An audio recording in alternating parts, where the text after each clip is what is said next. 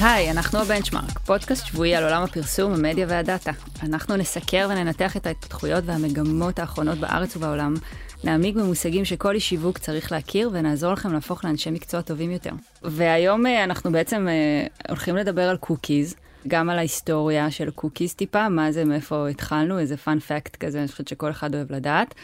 אה, נדבר על ההתפתחות של קוקיז לפרסום, איך הגענו בעצם אה, למקום שהקוקיז הפכו להיות בפריים טיים וכל כתבה שלישית בתחום מדברת עליהם, על הכלכלה שם מאחורה, אה, ועד ל-GDPR, אפל, כל מה שקורה בעצם בימים אלו. ונדבר כמובן על מגמות של לאן כל הדבר הזה הולך. ומה בגדול אתם יכולים לעשות. בסוף, נכון. זה כמה המלצות עקרוניות. כמה דברים שבאמת צריכים אה, לשמש אתכם בהקשר הזה בעתיד הקרוב. מהמם, אז uh, עמית, אני חושבת שאנחנו ככה דיברנו עוד לפני השידור, ואני אשמח שתספר לנו באמת איפה ה... אז בגדול, באזור 95, מפתח בנטסקייפ, שהיה בזמנו הדפדפן הנפוץ, עד שמייקרוסופט אה, דרסו אותו עם אקספלורר, תביעת ההגבלים העסקיים הראשונה בעשורים האחרונים, לא ניכנס לזה, אבל בגדול היה שם מפתח שבעצם היה צריך לעשות פתרון למשהו שהלך והתפתח בימים הראשונים של האינטרנט, וזה e-commerce. בגדול, איך פותרים סיטואציה שבה יוזר גולש אצלי באתר, ורוצה שאני בתור אתר אזכור כל מיני דברים לאחר כך. כולנו מכירים את זה בתור ה shopping cart או עגלת הקניות, אז המכניקה או העיקרון שמאפשר לך לשוטט באתר ולהגיד לאתר, תזכור רגע ששמתי פה את הפריט הזה, נעשה דרך קוקיז. אז קוקיז בסוף זה איזשהו קונטיינר, זה איזשהו אה, קובץ טקסט בתכלס, שיושב אצלכם במחשב, אבל הקובץ הזה סך הכל מכיל אינפורמציה שאני בתור הדומיין שבו היוזר גולש, נגיד אם אני ynet, אם אני קשת, אם אני, לא משנה, אמזון, אני יכול לשמור בחתיכת קובץ הזה קצת אינפורמציה על היוזר, כדי שיעזור לי אחר כך לדעת מה הוא ביקש לשים ב shopping cart. אז רובנו כבר יודעים, אבל איך הגענו ממצב של משהו כזה שהוא נשמע אולי טיפה אה, עדין יותר, ועד היום בבוקר שעשיתי סופר אונליין, איך הגענו למצב שזה תפס חלק כל כך משמעותי בעולם הפרסום?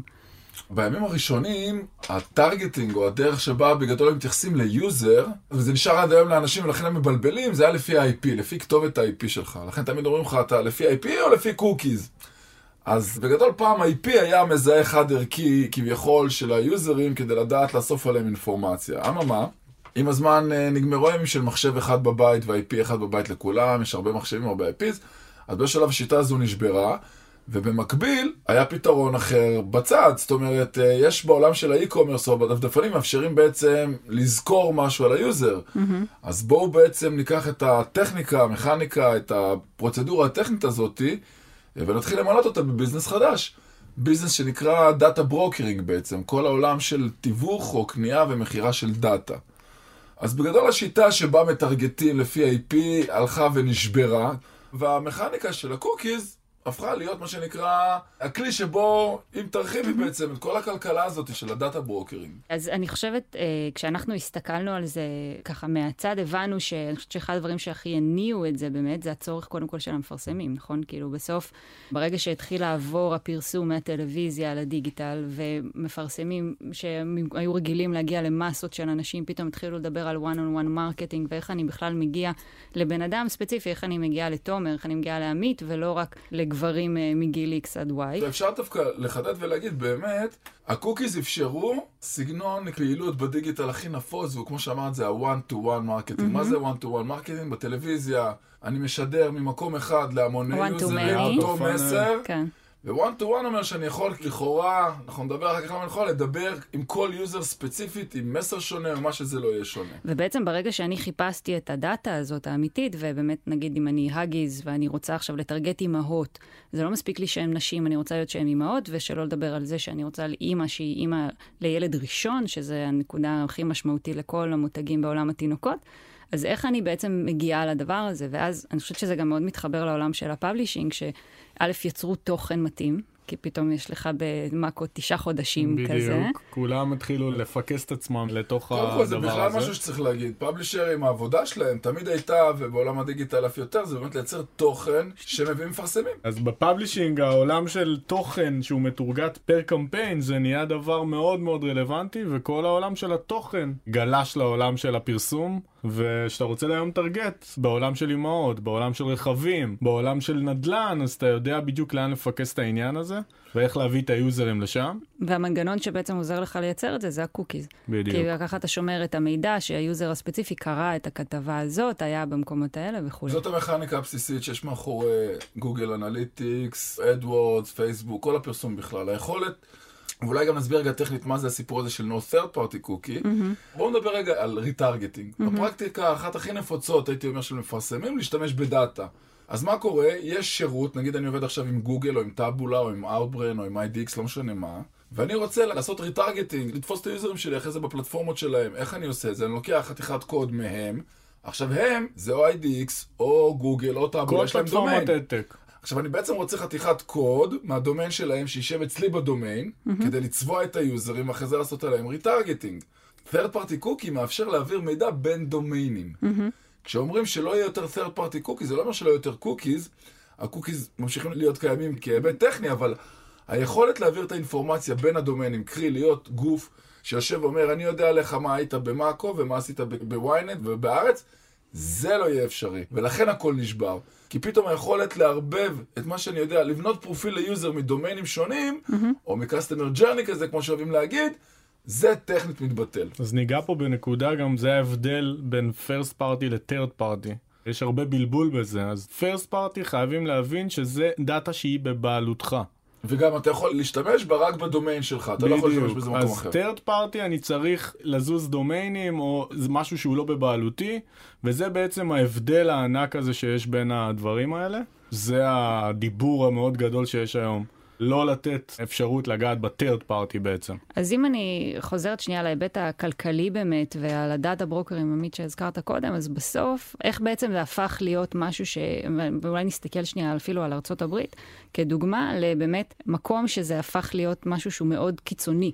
כלומר, כלכלה, זה הפך להיות אה, ביזנס מאוד גדול. אבל מי מוכר למי? יש גופים שנקראים היום בדיעבד data ברוקרים, שמות מוכרים היו אפסילון, בעצם היו גופים שהם לכאורה היו בהתחלה גוף טכנולוגי, דרך אגב חלקם היו DMPs גם בזמנו. בדיוק, הם בעצם העירו את uh, המאסטר קארדים זה, זה, התחיל בדיוק, ודומיהם. הם יצרו את התשתית, הם באו ואמרו לפאבלישרים, תקשיב, יש לי חתיכת קוד, שים אצלך, שים אצלך, אני אתן לך כמה שקלים, סנטים. כן. ולאט לאט החברות האלה גדלו וגדלו וגדלו, והיו צומת מרכזית שהחתיכות קוד שלהם היו בהמון המון אתרים. הם אספו המון המון data, לכאורה הפעילו המון המון שכל בלאחד את הפרופילים האלה וליצור איזשהו משהו יותר קוהרנטי על ה user. והשלב הבא היה שהם התחילו להחכיר את זה, להשכיר את זה, למכור את זה, לא להיכנס רגע טכנית איך, בתוך העולם הפרוגרמטי. ואז פתאום מתעורר המנהל פיתוח עסקי באמריקן אקספרס, כן. ואומר חביבי, יש פה... כן, יש פה יש פה כסף גדול, אני יודע. הכל. ו- אני יודע מתי קנית, מתי עשית ביטוח. וזה מאוד מתחבר, אם אני רגע חוזרת לדוגמה של אגיז, לזה שככה בעצם אני, פתאום, כ- לצורך העניין, מנהלת השיווק של אגיז, יכולה באמת להגיע לאימהות האלה, כי מאסטר קארד יכולים להגיד לי מי קונה בעצם אה, חיתולים, או מי קונה בחנויות לתינוקות, או מי עכשיו שילמה, ל, לא יודעת, על איזושהי בדיקה שקשורה להיריון, ופתאום נהיו הטריגרים האלה, או הסנטימנטים האלה שאני יכולה לאסוף על יוזרית, ופתאום אני מקבלת את מה שרציתי. בדיוק. ואני מוכנה לשלם על זה הרבה מאוד כסף. אז בואו בוא גם נחדד. כי ה data ברוקרים האלה בעצם קמו לכסות על צורך שמצד אחד מפרסמים כן קיבלו אותו. כי בגוגל ובפייסבוק, ברוך השם, מה שנקרא יישר כוח, לוקחים data נכון. בערימות מכולם ומשמישים אותו. אין אז- מרקט, אפיניטי, אז, נכון. אז ה data ברוקרים בעצם, בהרבה מובנים, היוו את הכלכלה האלטרנטיבית לגוגל באיך מפרסם שרוצה לקנות נגיד בקשת או בוויינט, אימהות, בטרימסטר שלוש, אה, מחוץ לאגנים. הסגורים, נכון. אז אפשר להגיד שזה היה בעצם ה-MeToo, מה שנקרא. הנה, כן. יש גם את ה data, כל השיטות טרגוט, כמו שאמרת, מהאופליין כן. לאונליין, שגוגל ופייסבוק היו מה שנקרא החלוצים, או הכוח הדומיננטי ב- להפוך את זה למיינסטרים, אז ה data ברוקרים היו בעצם התגובה הכלכלית-עסקית לחוסר שיש במקומות אחרים, שהם לא גוגל ופייסבוק בדבר הזה. בדיוק, אבל אה, צריך להבין ש data של פייסבוק וגוגל יש להם מידע אדיר עליך, ובגלל זה היינו צריכים לעבוד מאוד מאוד קשה. ה publisher, כדי להביא data שיכול אפילו להגיע לכיוון נכון. של הדבר הזה. ובאתם בעיקר מהעולמות של התוכן באמת. בדיוק. אז אם אני שנייה מסכמת, הבנו בעצם מה זה קוקיז, איך הגענו, הבנו את הכלכלה שמאחורי הדבר הזה, ואת מנהלי השיווק, שהם בסוף אלה שמחזיקים את התקציבים, שהתרגלו לעולם של טוב, שה data הפך להיות ממש commodity, גם בין אם זה בגוגל או בפייסבוק, ובין אם זה במערכות הפרוגרמטיות. כן, אז שיש הרבה ברוקרים ויש הרבה כסף, מה קורה? מתחיל להיות abuse. אז uh, אם אנחנו מדברים על ה-abuse, אז אתה כ user בעצם נכנסת לאתר של publisher, גלשת שם, ולא היה לך שמץ של מודעות לזה שמוכרים את ה data שלך כברוקרים לעולמות אחרים לגמרי. גופים אחרים. גופים. אחרים, ופתאום נהיה מסחרה אדירה בתוך העולם הזה. כי הברוקרים רצו לעשות כסף ענק, ונהיה מאחורי השולחן עסקאות של data שלא היית, היה לך שמץ כ user, שאתה בכלל נצבע בעולמות האלה. פשוט כלכלה שלמה שפשוט עברה על ה, כאילו ההסכם הבסיסי בין משתמש ל publisher לגבי ה... לגמרי. לגמרי. עם privacy policy של לך תקרא 7,000 עמודים. כן, אה, בעמוד משהו שכתוב, אה, 256 בתנאי שימוש. כן, בתנאי שימוש באנגלית אה, או בעברית משפטית נוראית. רק הייתי רוצה להוסיף שבמקביל לכל הדבר הזה שמתרחש מאחורי הקלעים, היה עוד תהליך שכולנו מכירים, וזה כל מה שקרה עם פייסבוק וגוגל, במקרה של פייסבוק קיימברידג' אנליטיקה, כל הסקנדל של השחרור אינפורמציה וכדומה. אז מצד אחד, יש גם כלכלה נסתרת באיזשהו מקום בעולם הזה, ומצד שני גם מתחיל להיות יותר ויותר עדויות על מה שקורה בגוגל ובפייסבוק כנציגות של העולם הזה, של איסוף דאטה לצורכי פרסום וכדומה, ואז גם הסנטימנט הציבורי התחיל להשתנות. זאת אומרת, קיימברידג' אנליטיקה, ביחד עם הסקנדלים שהיו אחרי זה עם טראמפ וגוגל וכל העולמות האלה, במקביל לחוקיות של ה-GDPR, ש... במקביל, כן. כי ה-GDPR יצא כבר ב-2016. נכון. נכון? ותכף נסביר רגע בקטנה מה זה GDPR, אבל צריך להבין שה-GDPR כשהוא נולד, הוא לא ישר עשה את כל הבלאגן הזה שאנחנו לא. נמצאים בו, זה תהליך ארוך. אני ממש זוכרת את זה שזה יצא, היה כזה דיבור על זה, ואנחנו בישראל מאוד מושפעים ממה שקורה באירופה, ותכף באמת נסביר גם עוד סיבה למה. ובסוף הסתכלנו ואמרנו, אוקיי, איך אנחנו עכשיו מיישמים את זה באתרים, והיה באמת בלאגן זה, קמו יועצים וקמו גופים שאומרים, כי זה ממש חוק, כאילו זה לא משהו שאתה יכול להגיד, טוב, לא נורא בקטנה, זה קצת כמו עם הנגישות במקום אחר, אבל באמת צריך לבוא ולהתייחס לדבר הזה. בצד ה publishing בישראל, זה היה ממש זעזוע, כי כולם רצו להתכונן לזה ולא ידעו איך להתכונן לזה. ואני זוכר את זה ממש אצלנו כרעידת אדמה, כל התחום של ה-GDPR. כאילו, עבודה, הרבה הרבה, הרבה עבודת עבודה. שלנו, של ה publisher, להבין מה עושים, מה הלאה. כי היינו רגילים לעולם הפרוץ הזה, ופתאום יש סט חוקים. מה זה סט חוקים? צריך קצין דאטה, צריך דברים ואתה מתחיל. לפחד ש... כן, כי... לא, וזה חוקי, כן, זה וכמו מתחיל שתמיד יש חוק, אתה תמיד מפחד, יש את אלה שינצלו את זה ויבואו. ולתבוע ולעשות בלאגן, נכון. וכן. אז GDPR צריך רגע להבין שהוא, יש בו משהו מאוד מאוד מעניין, כי ניקח רגע איזושהי דוגמה שמייצגת את כל מה ש-GDPR בא לפתור. ממש בקור שלו, כן. כן, יושב עמית אוחיון, פותח ג'ימל בתאילנד, תחת איזה חוקים בעצם, של פרטיות או מה שזה לא יהיה, אני כפוף. כן. תאילנד, ישראל, אם אני פותח ג'ימל, גוגל בארצות הברית, אז בגדול במשך שנים, הסרוויס שאותו פתחתי, לא משנה אם זה ג'ימל, יא או מה שזה לא יהיה, כפוף לחוקי המדינה, המקור מה שנקרא. איפה שהיה יושב בעצם איפה השרת. שיושב בעצם השרת. האירופאים באו ואמרו, תקשיבו חברים, אנחנו הופכים את הפרטיות, קודם כל לחוק יסוד, מה שנקרא, זה זכות בסיסית של אזרח אירופאי, שהוא לא יכול לוותר עליה, גם אם הוא רוצה. כמו חופש הביטוי, כמו... כמו חופש ביטוי, כמו כל כן. כמו... זה לא שאתה אתה יכול לא לבוא להגיד, טוב, אני, עליי, שיאספו לא מה. שהם רוצים. כן, אתה יכול להגיד, אבל זה לא מעניין אותנו. בתור רגולטור אנחנו שומרים עליך, אתה לא צריך לשמור על עצמך בתור אה, משתמש.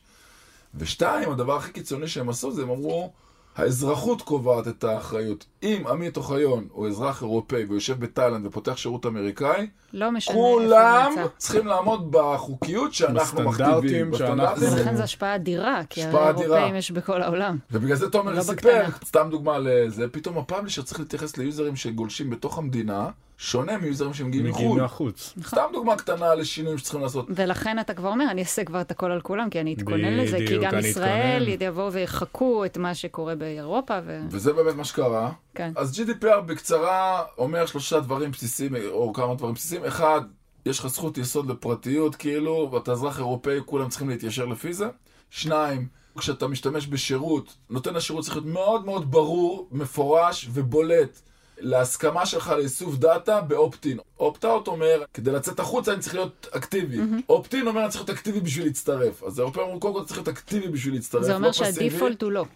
ה default הוא לא. אתה צריך להסכים, זה בדיוק, השינוי. את צודקת. אז אחד, אני צריך להיות מאוד ברור, והסכמה מאוד מאוד ברורה. שתיים, אני בתור מי שאוסף עליך את הדאטה, צריך להגיד לך למה אני אוסף את הדאטה, ולמי? ולמי אני מעביר אותו. שזה הקטע הכי חזק שזה השקיפות שהיה. שלא הייתה אף פעם. ושלישית, צריך להיות לך את האפשרות הטכנית והפרוצדורלית להימחק מהמאגרי מידע שלי בתור אחד שאוסף עליך את נכון, האינפורמציה. דיברנו על הזכות להימחק. אז כן. אטקסט הוא חלק מהעניין של הפרוד בעולם של ה-SSPs של האדיקסים, כן. שכן, זה לא ליוזרים, כן. אה, אוקיי, אז הבנו מה זה GDPR בעצם, ובאמת את המושגים המאוד בסיסיים והמשמעויות המאוד בסיסיות שעומדות אה, בקור שלו, בליבה, אבל זה לא הסוף. מה קורה לנו בעצם עכשיו עם אפל, שהתחיל גם לפני כבר כמה שנים, אה, עם iOS 14? אז אפל ראתה במהלך הזה מהלך שיכולה לבדל את עצמה. היא כחלק מהביג פור, ארבעת הקבוצות שכולם מאוימים מהם בתחום הטכנולוגיה.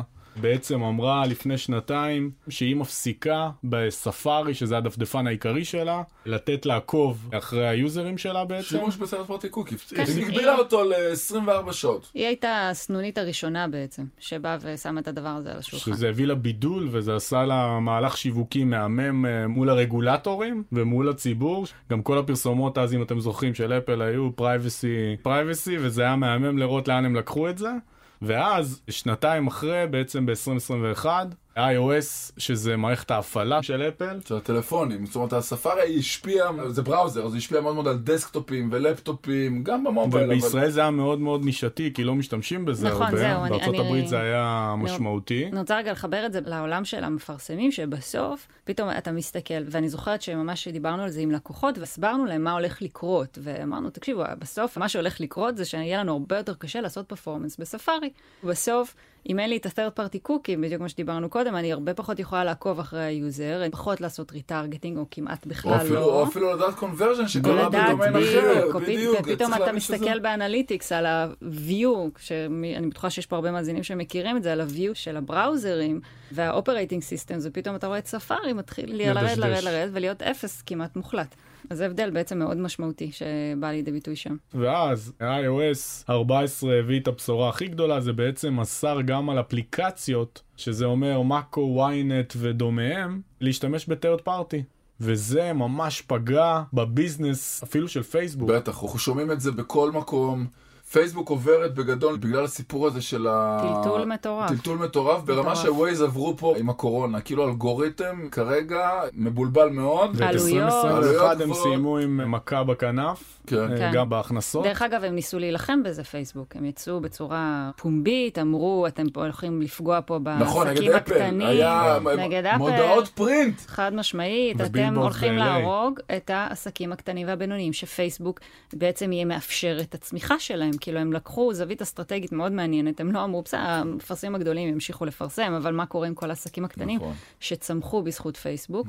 בסוף, רק מבחינת איך ה user חווה את זה, למי שמכם אין לו אייפון ולא ראה את זה, זה באמת, אתה מתקין אפליקציה חדשה, אתה פותח אותה ומקבל הודעה כזאת מאוד אה, גדולה וברורה, בניסוח מאוד בעייתי, שה default שם גם, עוד פעם, הוא זה ask app not to track. בעברית, האם אתה מאפשר לאפליקציה הזאת לעקוב אחריך? לא, אבל היא לא, היא לא שואלת, היא אומרת לא לעקוב אחריה, ואתה צריך לאשר אה. שלא לעקוב, ואם אתה לא, אתה צריך לעשות decline. כאילו, הפסיכולוגיה שם... הפסיכולוגיה שלך קל להגיד לא.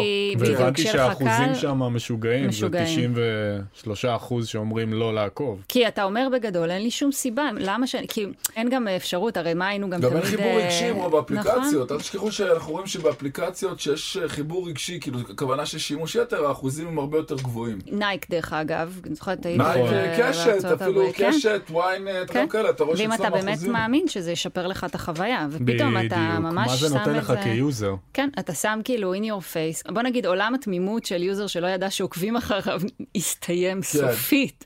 אין יותר כזה. וזה הכל, אז הנה, אז בואו נחבר את זה. אז אפל בעצם לקחו עקרונות ש-GDPR מכתיב בתור האתיקה מול היוזר, נכון. ולקחו את זה בתור מהלך שיווקי שאומר, אתם, יש לכם opt-in, אתם ממש תצטרכו להתאמץ כדי שמישהו יעקוב אחריכם, אנחנו לא ניתן להם לעשות את זה בקלות, אתם תצטרכו מאוד להתאמץ, אתם תהיו מיודעים, יהיה לכם ברור, ואנחנו, ה business שלנו הוא לא לעקוב אחריכם, אלא לתת לכם שירות. ובגלל מה שקרה באפל, גם גוגל הודיעו שהם תוך שנתיים יכניסו את זה לכרום. גוגל נמצאים בבעיה שאני מת עליה, כי היא סוף סוף ממחישה, לא, היא ממחישה בדיוק את הבעייתיות זהו, הגענו בכל לזה- הדבר לכמעט הזה. סוף הפרק הראשון, ואנחנו כאן. אבל אפל אין להם צד בפרסום. גוגל, מצד נכון. שני, מחזיקים דפדפן. מחזיקים יש מערכת יש הפעלה. קצת צדדים בפרסום, טיפה. כאילו טיפה. וזה, אז הנה רק בעיה, הדבר מצד הכמעט אחד, מוביל בכל קטגוריה, כן. מצד אחד מוצר. גם הרגולטור וגם הציבור, ואפל גם מה שנקרא בגאון ובששון, הלכו על הבידול. הולכים על הבידול ועל הזה, והם מתחילים להימצא תחת לחץ שהוא אפילו לא רגולטורי, הוא לחץ תדמיתי, ציבורי. חד קרא משמעית. לזה איך שאתה רוצה. איפה, איפה אתם בדבר הזה? נכון. וגם יש להם הרבה יותר אחריות, צריך לציין. ברור. כי יש הרבה מאוד עסקים, הרבה מאוד חברות טק, וגם עסקים שנשענים על התשתית שלהם. שנשענים. בטח, הם לא זה? יכולים לבוא בצורה כזאת ולהגיד, טוב, אנחנו, יאללה ביי.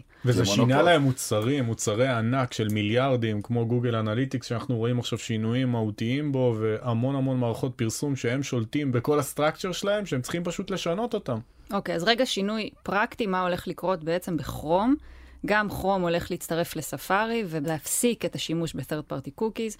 יש הרבה מאוד אה, פתרונות בעולמות האלה. המונח החדש הוא identity. זה גם לא ל user כבר, זה ברור לכולם שזה יהיה קלאסטרים של יוזרים, זה כבר לא user אחד. איך אני בונה את הזהות הזאת, את ה-identity, ואיך אני מסנכרן בין כל הגופים השונים, כי הקוקי זה היה איזה מטבע אני חייב להגיד משהו, שפה. רגע, יצר אותך, באמת.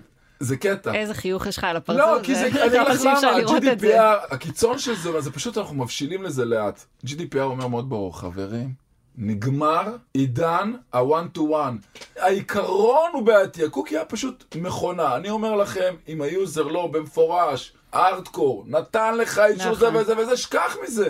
ולכן אני אומר, כל הדיבורים האלה, על זה שיפתרו את זה, עכשיו, לא בטוח, יש מצב שבאמת אנחנו בעוד שנתיים שלוש, נחזור כל לקונטקסטואל. אני מוכן לתאר אתכם שסיפורים ופומפוזיות יהיו יהיה AI, כאילו, לא, אנחנו כל העולמות של ל-TRP. האינטנט. יגיע למצב שאתה, אחי, קשה להגיע בן אדם שהוא אתה עם מטרגט אינטנט... אה, אותי, זה יגיע למצב כזה. אז יכול מאוד להיות שזה יגיע לזה, אני לא יודעת, אני מרגישה לפחות שהולך להיות פה איזשהו פתרון ביניים כזה, איזושהי פשרה, כי אני לא חושבת שהשוק או המפרסמים יכולים לבוא, יש יותר מדי כוחות שלוחצים כדי למצוא את הפתרון. לא ברור, דרך אגב, מה הוא יהיה, יכול להיות שיהיו כמה פתרונות, יש את Trade Desk בארצות הברית שמוביל את היוזמה שלו, שזה universal... ה-UID 2 הוא רלוונטי ל-PII, למידע מזוהה. אין בעיה, בסדר. אני אומרת, בסוף זה הכל סביב אותו עולם של פתרון, נכון, זה מידע מזוהה, אבל זה איך אני עכשיו הולכת ומטרגטת מחדש, כאילו, איך אני מוצאת את האימא שלי הזאת, של Huggies. רגע, אני חייב להגיד. משהו מצד ה publishers, אני מרגיש שזה השנים שלנו שחוזרים, נכון. או, העדנה. חוזרים, העדנה נכון. חוזרת נכון. ל publishing, ה publishing אה, יוכלו לעשות ריליישנשיפ הרבה יותר קרוב לסוכנויות ולמפרסמים, כי אתה כמפרסם רוצה עכשיו חבר'ה שמתעניינים בחופשה, אתה הולך למאקו, אתה הולך לוויינט, לאנשים שגלשו בתוך העולמות שלנו. בניגוד ללעלות לאיזשהו אה, בורסה, ושייתנו לך נכון. כאלה שהם אה, מתעניינים. כן, אתה תצטרך ללכת למקומות שבהם היוזרים עושים את מה שאתה מחפש, כי אתה יכול לטרגט אותם רק בדומיין שלהם. נכון, לא. ופתאום, באמת התוכן חוזר למרכז הבמה. התוכן והדומיין, אתה צריך ממש את הדומיין, כן. אם אתה רוצה להשתמש בדאטה של קשת, אתה צריך ללכת לקשת, להפעיל באתר של קשת את הדאטה של קשת. זה מה שאומר שאין ואם אני. נותן משהו לפאנץ' לסיום, שאני נותן איזה המלצה לבן אדם שמקשיב ומאזין לנו, אז אני אומר, תשקיעו בפרסט פארטי שלכם כולם, תעבדו בזה. ודבר שני, תיכנסו לעולם ה login, כי שם יהיה הכוח הכי גדול היום. זו דעתי האישית. מי שיהיה לו לוגינים, יוכל להתקשר עם היוזרים כמו שצריך, ולשם הולך העולם הזה. זה מה שאני לוקח מתוך זה. וכדי שיהיה login צריך סיבה מאוד מאוד טובה כן. כדי שיהיה login. לכן נראה לי שהאינטרנט יתפצל לשניים. כל הוידאו וה-OTT והאלה יקבלו לוגינים ויקבלו דאטה. כל אלה של התוכן, מה שנקרא ה print לשעבר, אה, יהיה אנונימי ויעבוד קונטקסטואלי, או בעסקאות של פרייבטים מול ה publisher ישירות. אז בטייק שלי, כמו שתומר אמר, אני חושב שמפרסמים והסוכנויות שלהם, אם לכאורה היו לנו כמה שנים של אה, פנטזיה טכנו-אוטופית שאנחנו נעבוד מול מערכת אחת, שיהיה בה את כל הדאטה, לא נצטרך לדבר עם אף פאבלישר, לא נצטרך לעשות אינטגרציות, לא נצטרך לעשות סליקה, חשבון... זאת הייתה בגדול השאיפה והאידיאל שאנחנו מבינים שהוא מתרסק בשנים האחרונות, כי בעצם ה-third party cookie היה מנוע שאפשר לכל הגופים האלה לעשות את כל האוטומציה הזאת, לעבוד על כל כך הרבה דומיינים, הכל מקום אחד. אז אחד, הולכים להתפרק חזרה, והקשר של המפרסם או ה agency שלו עם הדומיין, עם ה publisher, הולך להיות טכנית נדרש. אם פעם, כמו שתומר אמר, הייתי עולה ומחפש fashion ומוצא אותו בכל העולם ואשתו, היום אני צריך ללכת לאתרים שהם fashion ולדבר איתם. אז מה זה אומר? הקשר עם הפאבלישרים, מפרסמים, הוא אקוטי. הולך לחזור כמו פעם. אמנם תהיה הרבה טכנולוגיה באמצע, אבל אתם תצטרכו להכיר פאבלישרים, לדבר עם פאבלישרים, גם בקטע של עסקאות דאטה וגם בקטע של אינטגרציות. זה ה take שלי. אני- אתם תצטרכו לדבר עם פאבלישרים יותר, תצטרכו להיות יותר אינטגרטורים, יותר טכנולוגיים ויותר לעשות business על דאטה. כאילו. אני ממש זוכרת שכשדיברנו פעם ראשונה על פרוגרמטי עם מפרסמים, אז היה לנו שקף כזה מאוד משמעותי של קונים קהלים ולא מיקומים. כאילו, פחות או יותר הרגנו נכון, אז את נכון, כל נכון, העולם נכון. של הפאבלישרים, כי אני לא צריכה יותר את-. אבל את זה- פורום הריון ולידה בתפוז. אבל אל תשכחי שזה כי מה יש לי את שמכרו לנו. האימא, בד... ברור. אז אני אגיד את השורה התחתונה שלי לכל התהליך הזה, אני חושבת שזה נכון שהמפרסמים וה agencies מאוד יתקרבו לפאבלישרים, אבל הם יצטרכו גם מאוד מאוד להתקרב ל user ולעבוד על ה-first party data שלהם, ולראות איך הם עושים את זה בצורה איכותית. איך הם יעשו את זה, ליאור? איך כאילו חברות כמו יוניליבר, פרוקטר, כל מיני זה- שזה, איך- את רואה את זה? מה זה, ההמלצה זה שלך להם? מה צריכים לעשות? אני חושבת שבסוף זה האתגר הכי גדול, ואנחנו עבדנו בזה המון מול הלקוחות שלנו, ואני חושבת שאין CPG בעולם, Consumer Packed Goods Company, שלא שואלת את עצמה איך אני מתקרבת ל user, והעולם הזה הוא בדרך כלל בעולמות של ה commerce, שעכשיו רואים את זה מאוד עם האתר החדש אז מה הם עושים? הם עושים קופונים? מה הם עושים? אז כאילו? יש את העולם של אני ממש מוכרת, כאילו, ובאמת מה שהתחלתי להגיד על תנובה, והיו מיזמים אה, גם של יוניליבר סביב שופו, עם המיני מרקטים הקטנים, וגם בכלל העולם של קופונים ולתת ערך כמותג גג, שזה אגב בעיניי יש על זה סימן שאלה כמה הצרכן הסופי באמת יודע מי זה יוניליבר, או, או נגיד שסנפרוסט שייך לתנובה, לדוגמה, כאילו רוב הצרכנים לא באמת יודעים את זה. ומהצד השני, זה העולם של באמת איך אני מעניק אולי חוויה של תוכן איכותית, אמיתית, הרי בסוף בונים פה מותגים מטורפים, עם ערך מאחוריהם. כל העולם, נגיד, של תחליפי החלב, העולם של קפה, אם זה בעולם של אה, שטראוס, נגיד, רואים את זה מאוד חזק, גם אצל אוסם. כלומר, איך אני עכשיו בונה מותג, ומה התפקיד שלו בעולם של הצרכן, שזו תמיד השאלה הכי בסיסית של מותגים, אבל גם איך אני באמת מצליח לנהל איתו מערכת יחסים אמיתית. בדיוק, שהיא- המערכת יחסים פה זה... זאת אומרת, במובנים אחרים, זאת אומרת, הדיו עוד אה, רטוב, אבל בגדול, ה brand בשנים הקרובות, בשיח שלו מול ה user, כל השנים ה brand צריך כן, משהו כבר התחילו, מה user. נכון? כבר התחילו, הפעם אבל זה שצריך הולך להיות מפורש, אני צריך את הדאטה שלך, אני עושה כל זה בשביל שיהיה לי את היכולת לתקשר לגמרי. איתך. לגמרי. וגם, אולי זה באמת פחות פופולרי למי שיושבים פה מולי, אבל כן, אני חושבת שהעולם של email marketing הוא גם יחזור ובגדול. כן. כי בסוף אני מייצרת לי את הערוץ מדיה שלי, גם דרך אגב ב-B2B זה ברור, זה תמיד היה הארדקור, אחד הערוצים הכי מוצלחים שיש, אבל גם בעולם של B2C, כאילו איך אני עכשיו עושה את ה- one-to-one marketing הזה גם בדאטה מזוהה, עם האנשים שאני מדבר איתם, וגם בתור מותג CPG, שזה אתגר בפני עצמו. אז אה, אפשר להגיד גם שעוד כנראה המלצה, כי מבחינה טכנולוגית, אם פעם DMP היה שם ה... ש- היום אתם צריכים להתעניין ולשמוע ולקרוא על CDPs, שזה בעצם מכונות שמתעסקות יותר, לא עם ההפצה של הדאטה, אלא עם הארגון שלו והאיסוף שלו, רק תגיד מה זה הקיצור הזה, נוראים. Customer Data Platform. תחשבו ש-DMP, שזה השם של ה-Data Management Platform, מה שהיה כזה המכונה ההייפית בשנים האחרונות שהייתה אמורה לעזור לכולנו למנטס את הדאטה שלהם, לפח, כי זה היה מבוסס על קוקיז. ז'אנר השני של המכונות נקרא CDPs, זהו, עכשיו שהוא- הם באמת מנסים גם להשתנות, להיות CDPs, בדיוק, וכאילו ש-CDP לא, אומר, לא או- סוגרים את העסק, הולכים הביתה, לא פשוט סוגרים עושים שינוי במוצר. שינוי, שהאבולוציה נכון. אומרת, אנחנו צריכים להיות יותר מוכוונים לניהול ואיסוף של דאטה שהוא מזוהה ולא דאטה שהוא קוקי. בדיוק. אני אגיד עוד משהו קטן לסוף מהצד שלי. איך שאני רואה את זה, זה יהיה הרבה שותפויות עם publishers. אני רואה ממש ברנדים שייכנסו לשותפויות, ידברו תוכן דרך ו- וגם ה publisher. ביניהם, אתה יודע, הם יצטרכו לדבר ביניהם, לעזור בדין. בסוף. אה, אני מסכים איתך, אני חושב ששותפויות והעניין של אינטגרציות, מה שנקרא פרטניות, ולא שנעשות דרך גופים פרוגרמטיים שאתה איזה דומיין עלום מול קניין שאתה לא מכיר, זה לדעתי מה שזה עושה. טוב, נראה לי שבאמת יש לנו עוד המון על מה לדבר, אנחנו יכולים לשבת פה עוד שעות. אז נתראה בפרקים הבאים, ותודה רבה. תודה גם לבר כץ העורך שלנו ולנטע ספילמן המפיקה. אתם יכולים ומוזמנים למצוא אותנו במאקו, ב-N12, בספוטיפיי, באפל פודקאסט, בגוגל פודקאסט, איפה שאתם מקשיבים לפודקאסטים שלכם. נשתמע בפרק הבא. יאללה ביי.